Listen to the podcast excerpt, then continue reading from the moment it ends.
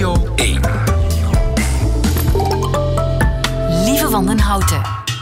Nieuwe feiten.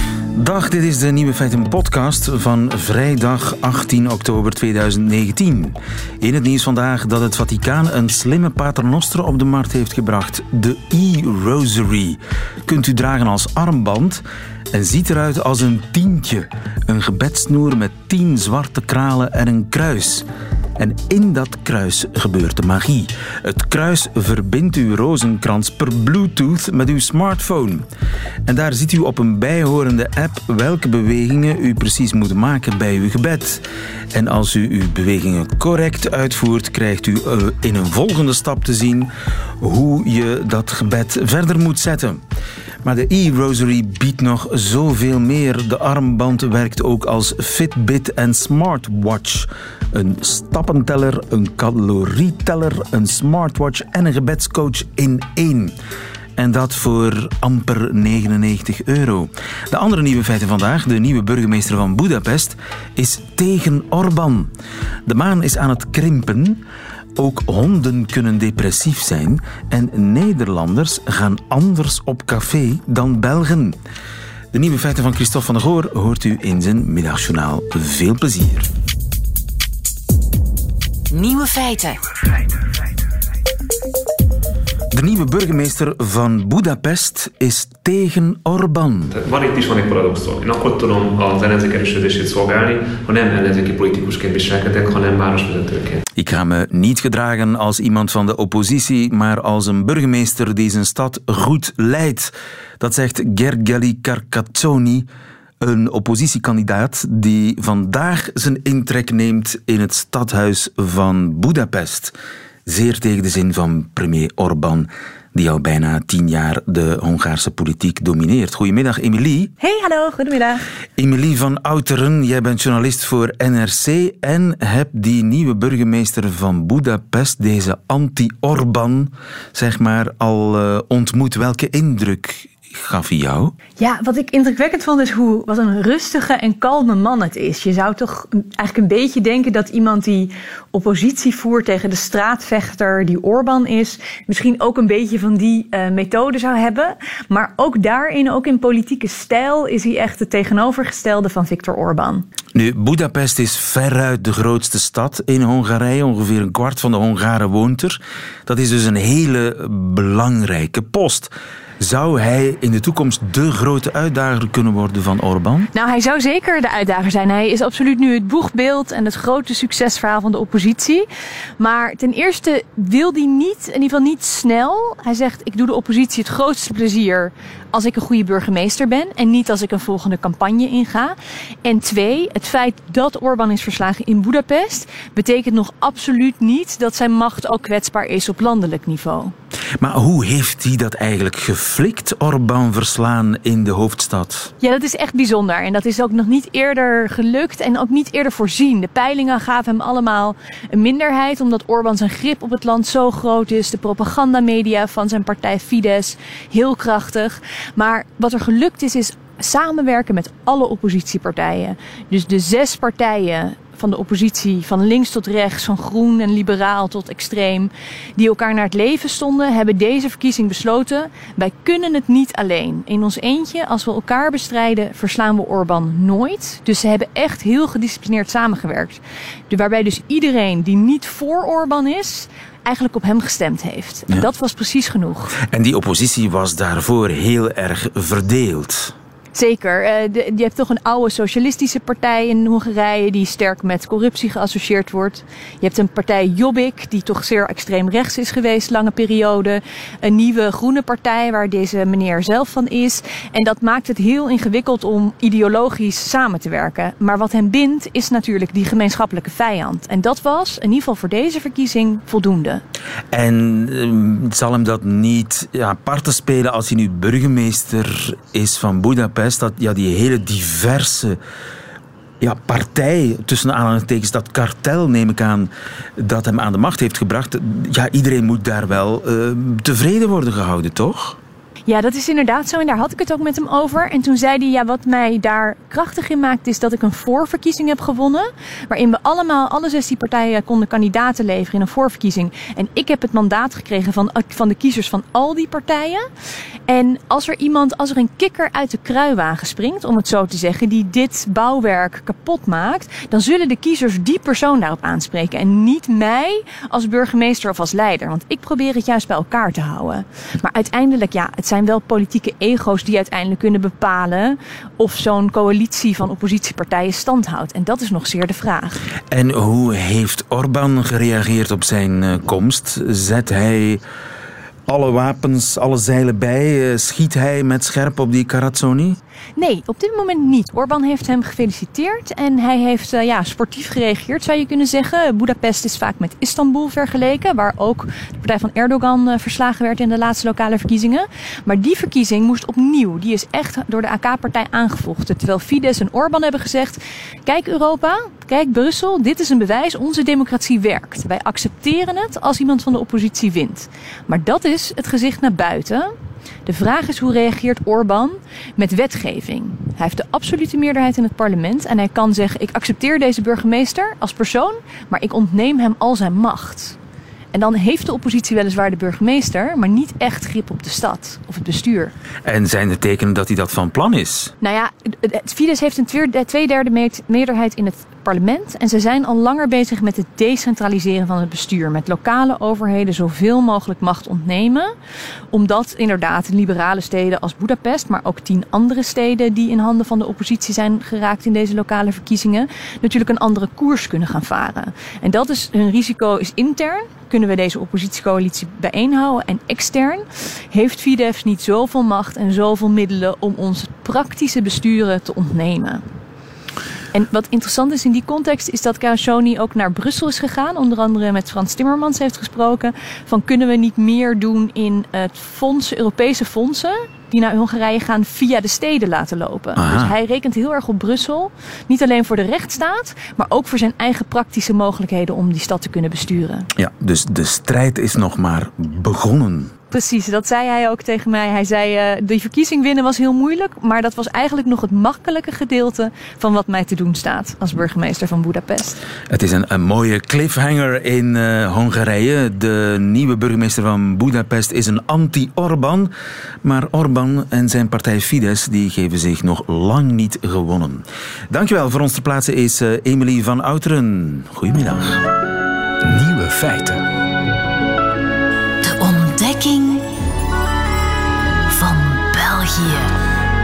De ontdekking van ons land door de correspondent voor ons land, correspondent België sinds een jaar of twee, ruim twee jaar. Voor de NOS, de man in Brussel, Sander van Horen. Goedemiddag. Goedemiddag. Jij leert ons land beter en beter kennen. Ja. Uh, wat heb je deze week geleerd? Wat is jou deze week opgevallen? Nou, ik ben deze week vooral gaan nadenken eigenlijk. En ik weet ook niet of ik daar al uit ben. Maar het, het nadenken begon in elk geval in Nederland. En dan op een heel onvermoede plek ergens in Drenthe, in Ruinerwold. Ruinerwold, ja. het dorp hebben we allemaal leren kennen. Ken jij dat dorp? Dat hebben jullie hier ook meegekregen, Ja, natuurlijk, ja. zoals hier volle bak. Ja. Om een Vlaamse uitdrukking te gebruiken, volle bak. Ja, en, in het nieuws. Ook vandaag weer in Nederland. De politie die verklaart gisteravond laat dat ze eigenlijk nog niet eens zeker weten of het wel een gezin is. Want ja, er is een man aangetroffen. Er is een soort klusjesman aangetroffen. Er zijn zes kinderen aangetroffen. Maar zijn die zes kinderen van die man? En wie is de moeder? En, ja, en zijn ze gevangen gehouden? En, en zijn ze lid van de Moonsecte? En dat soort dingen. Ze en, waren lid van de Moonsecte, ja, maar nu zeker. blijkt dat ze eventueel een eigen secte hebben opgericht. Ja, een soort uh, afsplitsing ervan. Maar dat, dat is nog niet eens zozeer wat, wat me aan het denken heeft gezet. Wat me aan het denken heeft gezet is dat je dat dus allemaal niet weet. En dat je bij de buurtbewoners uh, toch vooral in de verklaringen de schaamte hoort. De schaamte van, ja, we wisten wel dat er iets aan de hand was, maar wat? En hè, dat is het eerste. Wanneer besluit je om in actie te komen? Het tweede is dat het dus mogelijk blijkt te zijn om zo'n lange tijd onder de radar te blijven. Ja. En toen moest ik onwillekeurig denken, alhoewel ik toen natuurlijk niet in België was, maar aan bijvoorbeeld Marc Dutroux, die ook een hele tijd onder de radar was, of toch in elk geval in huizen dingen deed waarvan als ze geweten waren, dan was er wel iemand opgetreden. Ja.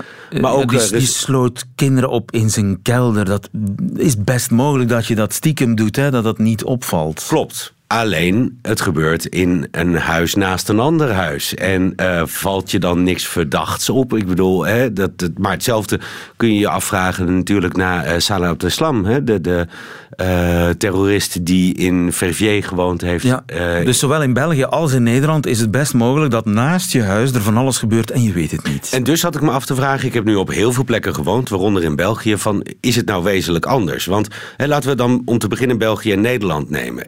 Ik ben geneigd om te zeggen dat ik mijn buren hier beter ken dan ik in Nederland deed. Is dat zo? Nou, dat vraag ik me dus af. Daarom zeg ik, het is een denkproces. Want mijn collega eh, die zei toen ik dit opperde meteen... dat klopt niet, het is juist omgekeerd. En ik denk dat je in beide landen, zowel in België als in Nederland... eh, je buren eigenlijk uiteindelijk niet kent. In Nederland weet je er misschien meer van. En dat heeft met de huizenbouw te maken. We hebben het hier al vaker over gehad... over de typische Nederlandse Vinex-locaties. Vinex. hè? Ja, ja, ja, de doorzonwoning. Door- ja, de doorzonwoning. Verkaveling. Precies, de doorzonwoning, maar dan ook in een, rondje of een vierkant of een, eh, een rechthoek gebouwd, waardoor je een soort binnenplein creëert waar de kinderen op kunnen spelen, waarbij iedereen een mini achtertuintje heeft waar je vanuit het bovenraam van de buren recht in kijkt. Ja, Privacy nul. sluit daarbij aan dat wij inderdaad nog altijd grosso modo geneigd zijn om die gordijnen open te laten. Nou, dan het gemiddelde Belgische huis, of dan toch in elk geval buiten de stad. Eh, dat is inderdaad de rolluiken dicht. Of En- tenminste de gordijnen dicht. Of de vitrage. Klopt, maar aan de voorkant de rolluiken. En aan de achterkant heb je een tuin. Maar, en wij vinden dat heel mooi. Wij hebben eh, inderdaad zo'n klassieke muur om de tuin heen. Daar waar je bij ons een schutting hebt met de buren... die hopelijk over een honderd jaar eens een keer dicht is gegroeid... met die wijnranken Ja. die je er tegenaan hebt gezet... die in Nederland niet willen groeien. Met andere woorden, in België is die privacy iets meer. Maar zegt dat iets... Hangen buurten meer aan elkaar in België dan in Nederland? En dat denk ik uiteindelijk toch niet. Ik denk dat het niet zoveel verschil maakt. Want wat je hier hebt gezien, en ook in Nederland natuurlijk, is die individualisering. En misschien dat dit in België eigenlijk nog iets minder is. Want hoe kwam deze eh, eh, man, of uiteindelijk de oudste zoon, laten we daar dan toch maar even vanuit gaan. eh, dat kwam aan het licht doordat hij op café ging. De eerste keer werd weggestuurd, want verward, die schenken we niks. De tweede keer begonnen ze toch eens een praatje. Zo van, goh, wat is er aan de hand? Waar kom je vandaan? Waar woon je? Nou, op café gaan, dat is iets wat je, wat je typisch in België doet. Dus dat, eh, Nederlanders gaan niet op café. ja, met vrienden. En dan spreek je s'avonds laat af om een uur of tien. Maar, eh, eh, of, je, of je gaat lunchen. Maar het, het, het, wat, wat ik hier ook zie als ik wandel in Vlaanderen. Dat je dus gewoon inderdaad eh, tussen de middag de mensen al aan de bolletjes ziet. die geserveerd worden door iemand die... Voor vijf uur alcohol. nou ja, Hoe nou ja, Belgisch. Precies, hoe niet Nederlands. Maar daardoor leer je elkaar wel kennen. Dus dan heb je een sociaal punt. Je bedoelt buiten. eigenlijk het stamcafé waar je op den ik gebruik opzettelijk heel Vlaamse uitdrukking, naartoe gaat. Omdat je, ja, je zal daar wel je buren vinden. Precies. Dat is iets heel, dat is iets heel on-Hollands. En dat bracht me aan het denken over een ander groot verschil ehm, in Nederland. En, en volg het Nederlandse nieuws nu is met die blik, want het is een hele interessante. Normaal gesproken zijn wij, wij, wij Hollanders gaan uit van... dit kan niet, dit mag niet. Wie heeft hier, hier een fout gemaakt? Ja. Is het jeugdzorg? Is het de politie? Is het de school? Ja. Hoe kan het dat die kinderen onder de radar zijn gebleven terwijl er leerplicht is? Juist. Iemand heeft een fout gemaakt. Maar ze zijn nooit ingeschreven geweest. Heel interessant, dus ze wisten helemaal niet van het bestaan af. Dus hier is eigenlijk een situatie waarin dat soort fouten niet gemaakt zijn. Omdat ze nergens waren. Ze kwamen niet bij een consultatiebureau, wat bij ons hè, de, de, de prikken uitdeelt. Ze kwamen niet op school, ze zijn thuisgeschoold. Eh, ze kwamen niet in aanraking met, met eh, de mutualiteit, ik noem maar eens wat. Maar bedoel je dat de, de Belgische blik op dit gebeuren heel anders is dan de Nederlandse blik? Ik mis in België toch wat minder de Pavlov-reactie die wij in Nederland hebben. En ik mis hem niet hoor. Ik vind hem eigenlijk wel gezond. Dat er hier niet meteen gekeken wordt naar iemand anders die een fout gemaakt heeft. En dat is wel de standaard Nederlandse reactie. En wat ik zo aardig vind om te zien, is dat dus nu al vrij snel duidelijk is dat er niet één iemand is die fout is. Of hè, waar wij ook heel goed in zijn, als eh, niet één iemand of één instantie fout is geweest, dan gaan we de samenwerking gaan we, eh, verwijten. Hè. Dus waarom heeft jeugdzorg niet met de buurtsupermarkt gepraat, bij wijze van spreken? Dat is er nu niet en dat is ongemakkelijk. Ik onthoud vooral dat het buurtcafé iets uh, meer Belgisch is dan uh, Nederlands.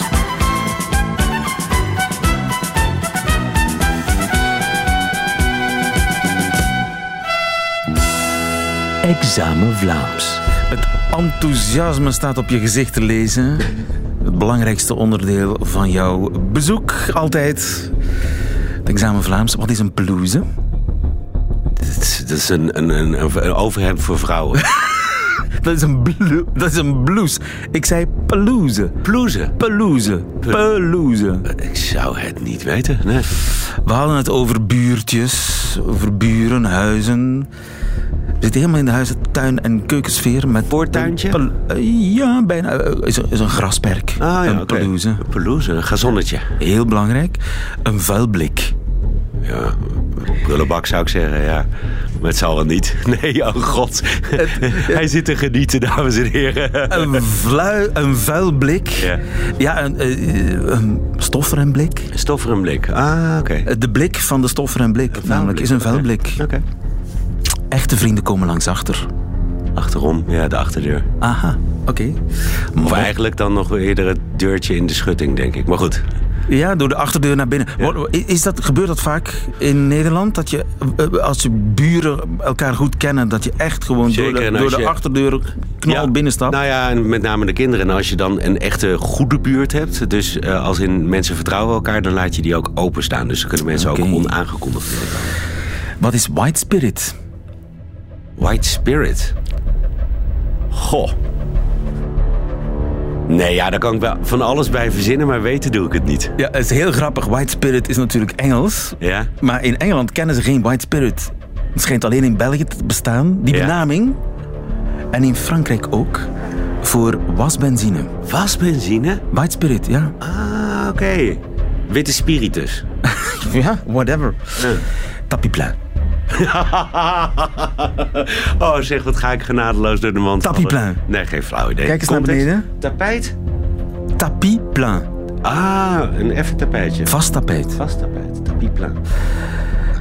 Mooi. Het, ga, het gaat niet zo lekker, hè? Nee, ja, nee, nee, nee. Nee, want ja... Je moet toch iets weten, wacht. Tournavis. Even, even een visje omdraaien. Schroevendraaier. Oh ja? Ja. Okay. En dan heb je een platte en een, en een kruis. Ja. Wat zeggen ze in Nederland daar dan tegen? Uh, een schroevendraaier. schroevendraaier. En, en, een kruiskop en een uh, uh, normale kop. Oké, okay. ja. heb ik ook iets bijgeleerd. Ja. Helaas. Ja. Helaas, je moet volgende week terugkeren. Ja, of, of het aanleggen met een Vlaamse. Want ik had het erover met weer een andere collega... die inderdaad een, een, Vlaamse vrouw heeft. En zijn woordenschat is oneindig veel groter dan die van mij. Ja, maar dat, dat komt. Met enig geduld word jij expert Vlaams. Tot volgende week, Sander van Horen. Radio 1. Wat krijgen we nu? De maan krimpt. Iedereen die ooit op aarde geleefd heeft, zag dezelfde maan. Ik heb het altijd een hele troostende gedachte gevonden. Dat alles in perspectief wordt geplaatst. Vandaar mijn verbazing, om niet te zeggen shock, toen ik gisteren de tweet las van het BBC-programma Quite Interesting. Moon is shrinking. Zeg dat het niet waar is, Philippe Mollet. Goedemiddag. Jawel, jawel, uh, jawel lieve. Je weet, uh, alles wat QI zegt uh, is hoogst betrouwbaar natuurlijk. Philippe Mollet van de Volkssterrenwacht Mira. Wordt de maan kleiner of lijkt ze kleiner vanuit ons standpunt? Is dat misschien wat er aan de hand Wel, is? Eigenlijk allebei klopt. Ze lijkt kleiner te worden omdat ze zich van ons verwijdert. Um, dat is iets dat we al lang gemeten hebben. Uh, gigantisch veel is dat niet, maar het gaat toch over enkele centimeter per jaar. En na een tijdje loopt dat toch wel op. En dat zijn dingen die we rechtstreeks hebben kunnen meten. Er bestaan technieken voor. Eigenlijk een beetje de techniek wat, wat, wat uh, bouwvakkers en zo ook gebruiken om afstanden te meten met een laserstraal ja. en zo. Dus de maan is ons aan het verlaten? Ja, die is ons een beetje beu. En, uh, maar eigenlijk uh, ja, zijn we daar zelf voor verantwoordelijk. Om het, om het eenvoudig uit te leggen, aarde en maan is een gesloten systeem. Dus uh, tussen ons uh, kan er energie uitgewisseld worden, maar niet verloren geraken. En je weet, de belangrijkste invloed van de maan op de aarde zijn de getijden. Die getijden, dat veroorzaakt wrijving tussen de, de, ja, de oceanen en, en de, de oceaanbodem. Wrijving betekent de aarde is aan het vertragen. U zal het misschien nog niet gemerkt hebben, maar de dagen worden langer. Aan mijn leeftijd begin je dat wel te merken. Um, maar dus aan de ene kant de aarde verliest een beetje energie, aan de andere kant, ja, dat wat hier verloren geraakt, wint de maan dan. De maan begint wat sneller rond ons te draaien en sneller in een baan rond de aarde wel betekent verder wegstaan. Ja, maar we gaan dus toch nooit echt helemaal kwijtspelen, hè? Nee, nee, nee, want dat gaat zich op een bepaald moment toch wel stabiliseren. En eerlijk gezegd, dat is dan het grappige van het verhaal, als je dat gaat berekenen van wanneer dat die stabiele situatie er gaat komen, dan spreken we over tijdspannen die veel groter zijn dan de geschatte levensduur van ons zonnestelsel. Dus het is, het is een puur hypothetisch iets. het enige dat wij merken is dat de maan langzaam kleiner wordt op Ze wordt kleiner, ze verdwijnt een beetje heel, heel, heel, heel 0,000 uh, mini-millimeter zoiets uh, uit ons zichtveld, maar ze krimpt ook echt. Ja, dus hè, naast die schijnbare kleiner worden, wordt ze zelf ook wel kleiner. Um, en dat is iets dat we lang uh, vermoeden, maar dat we nu meer en meer zeker beginnen te weten. Het is een beetje, te vergelijken het in dat, NASA-artikel met, met een druif hè, die begint uit te drogen en dan krimpt hè, om uiteindelijk een rozijn te worden. Alleen het verschil is, uh, de maan heeft niet zo een uh, soepel velletje als een druif. Dus wat gebeurt er, terwijl dat de maan, doordat die verder afkoelt. Um, er, is niet echt meer lava of magma zoals aan de binnenkant van de aarde, maar toch is ze van binnen toch nog warmer dan de buitenkant en dat blijft verder afkoelen. Daardoor krimpt ze. Maar omdat die buitenkant hard is, uh, gaat dat niet zo beginnen uh, ja, wrinkelen en, en, rimpels geven, maar gaan er letterlijk uh, breuken komen, gaat die, gaat die buitenkant een beetje kraken. En dat weten, laten we zeggen, wij amateurastronomen kennen dat. We zien met onze telescopen, zien we rillen en ravijnen en kloven op de maan, en dat zou daardoor veroorzaakt ja. zijn. Dus de maan is een beetje een rozijn, ze is aan het verschrompelen. Ja, maar, maar dan een rozijn met een harde buitenkant. Ja. Uh, en dus dat verschrompelen wordt meer uh, kraken dan, dan rimpels geven. Maar het fascinerende is de manier waarop men dat nu nauwkeuriger te weten gekomen is, is door een mengeling van oude metingen te gaan herverwerken. In der tijd met de, de Apollo-landingen, dus de, die zes keer dat er mensen op de maan gewandeld hebben, of eerder rondgesprongen als een kangoeroe, heeft men toch een beetje zinnig werk ook gedaan. Men heeft daar seismometers geplaatst, dus aardbevingsmeters. Alleen de, de, de, toenmalige computers en zo, die waren nog niet krachtig genoeg. Uh, maar met de huidige apparatuur heeft men die metingen van toen opnieuw verwerkt. En, en blijkt dat de aardbevingen die men toen gemeten heeft, dat, dat die allemaal blijkbaar wel uit, uit dezelfde regio's kwamen. Namelijk de regio's waar er zo een, een ravijn, zo'n klif is. Dus dat wijst erop dat het, het fenomeen dat we beschrijven ook nu nog wellicht nog actief is. Ja. En dat heeft men gecombineerd met moderne metingen, uh, foto's eigenlijk van. Uh, er is een Amerikaanse ruimtetuig dat de maan nu al tien jaar lang nauwkeurig in kaart brengt. En die ziet hier en daar ja, vers materiaal. En waarschijnlijk wat er gebeurt, is dat er uh, rotsblokken naar beneden rollen aan zo'n ravijn. Waarschijnlijk elke keer dat er een aardbeving is. En, en dat, ja, dat, dat schuift wat materiaal weg en dan komt er vers materiaal van onder tevoorschijn. En, en dat zie je op die foto's. Dus die combinatie van oude en nieuwe methodes. Het is nu zeker. De maan is aan het krimpen. We zien het voor ons ogen gebeuren. Dankjewel, Philippe Mollet van Mira. Goedemiddag. Nieuwe feiten. Radio 1. Gisteren in het middagjournaal van Nieuwe Feiten een prangende vraag van Sportza-collega Christophe van de Goor. Als er nu één schepsel in de wereld is dat altijd goed geluimd is, altijd verheugd je te zien en je te begroeten bij thuiskomst, dan wel de hond. Zijn honden dan nooit slechtgezind, vraag ik me af. Kunnen zij, net zoals wij, ook wel eens een mindere dag hebben? Zijn honden altijd blij om hun baasje te zien of kunnen ze ook al eens een mindere dag hebben? Tini de Keuster, goedemiddag. Goedemiddag, lieve. Je bent uh, gedragsdierenarts. Ja, ik ben inderdaad dierenarts en ik ben uh, specialist in dierengedrag, hond en kat. Hebben honden soms een off-day? Honden kunnen een off-day hebben. Maar die hebben ze vooral wanneer er in hun omgeving dingen gebeuren ja, die toch wel de drempel overschrijden. Dus zeer luide dingen, bijvoorbeeld. Hè, je bent verbouwingswerken aan het doen. Eh, of heel veel drukte. Bijvoorbeeld de hond wordt meegenomen naar de kleuterklas van de kinderen en wordt daar geconfronteerd met een hoop jonge kinderen dat kan voor een hond een off-day zijn, omdat dit niet ja, zijn normale doen is. Dit zijn dingen die gebeuren uh, buiten hem om. En dan zou het kunnen zijn dat in die omstandigheden, als hij zijn baasje ziet, dat hij niet kwispelend en hijgend uh, en likkend op hem afstormt. Inderdaad, dat kan gebeuren, omdat dan de dingen die gebeuren buiten de hond om eigenlijk te veel, um, ja, te veel van hem vergen en hij zich niet kan aanpassen. Nu, wat er ook nog kan zijn, dat is als honden zich um, niet goed voelen. En dat kan op twee manieren.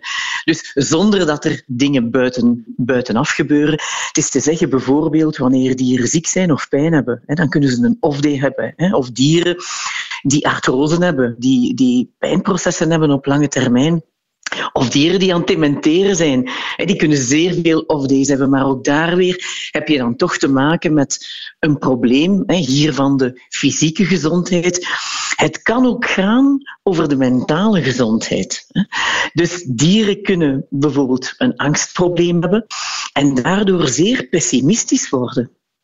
Maar dat is dan niet echt een off-day. Dat is dan eigenlijk dieren die de wereld ja, als een beetje bedreigend zien, omdat ze er niet mee kunnen omgaan. Ja, ja. En zonder dat ze fysiek ziek zijn, maar doordat ze ja, mentaal niet in staat zijn om dit te kunnen. Er is altijd wel een duidelijke oorzaak uh, aan te wijzen.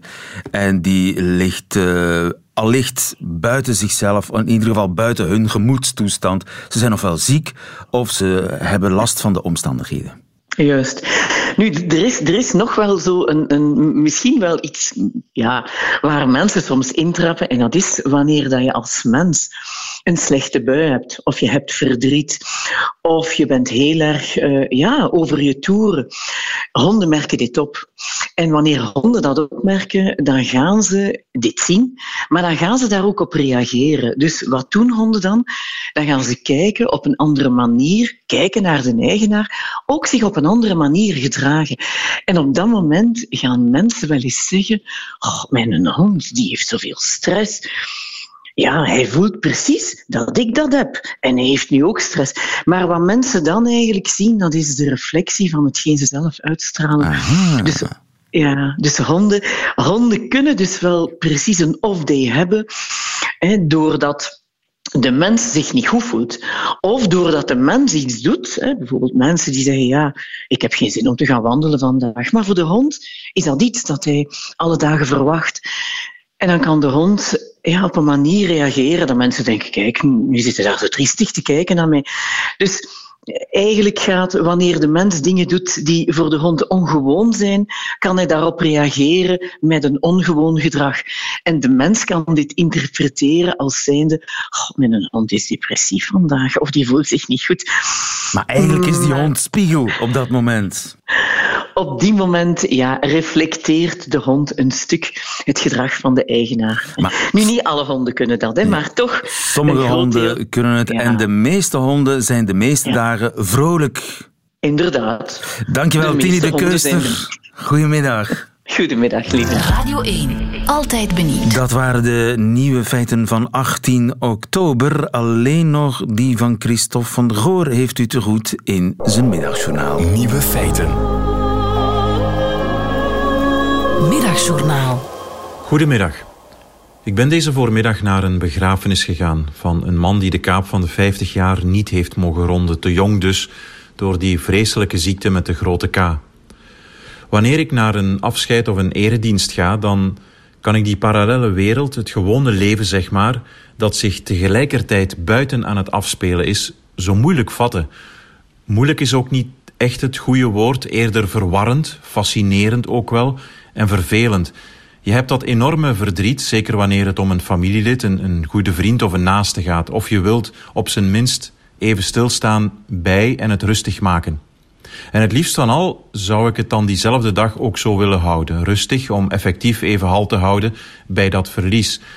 Maar dan kom je buiten en dan zie je dat het dagelijkse leven volop aan het voortgaan is. Wat ook normaal is, want niet de hele wereld kan stilstaan bij één overlijden.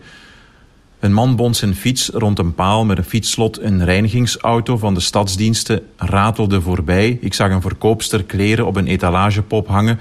Een oud vrouwtje ruimde de poep van haar hondje op. En op de rotonde waren mensen in auto's andermaal op elkaar aan het gesticuleren, terwijl je net buiten komt van een begrafenis. En ja, het leven gaat voort en zoals ik zei, niet de hele aardbol kan stilstaan bij het overlijden van één iemand, maar dat contrast tussen het ervaren van verdriet, stilte, in jezelf gekeerd zijn, het beleven van een zekere traagheid, tegenover de snelheid, de banaliteit en de herrie van het gewone leven dat zijn gang gaat en moet blijven gaan, ja, dat wringt. En achteraf op straat of bij de koffietafel wordt er dan meteen luid gepraat en gelachen. En dat is ook wel goed, want herinneringen moeten worden opgehaald en niet iedereen kan tegelijk staan huilen. En daarvoor dient zo'n samen zijn ook wel. Maar toch, gewoon zwijgen of stil zijn is ook een optie, denk ik soms. Enkele jaren geleden stierf mijn schoonvader. Ik was op dat ogenblik in de Verenigde Staten voor het WK veldrijden en keerde meteen terug naar huis. Een man van de organisatie bracht me in zijn auto naar de luchthaven. Overmand door verdriet deed ik mijn verhaal, want dat is het enige dat je dan voelt, een immens verdriet. Waarop hij heel rustig zei: You have to celebrate his life. Die periode, ook al was die te kort, moet je proberen te vieren. Makkelijker gezegd dan gedaan, maar wel een levenswijsheid wanneer je even wil stilstaan en buiten het gewone leven voortraast.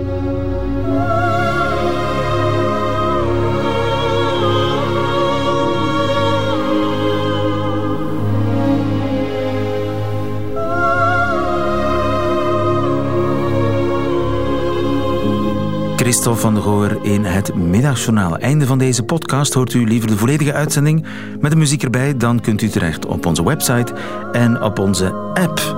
Tot een volgende keer.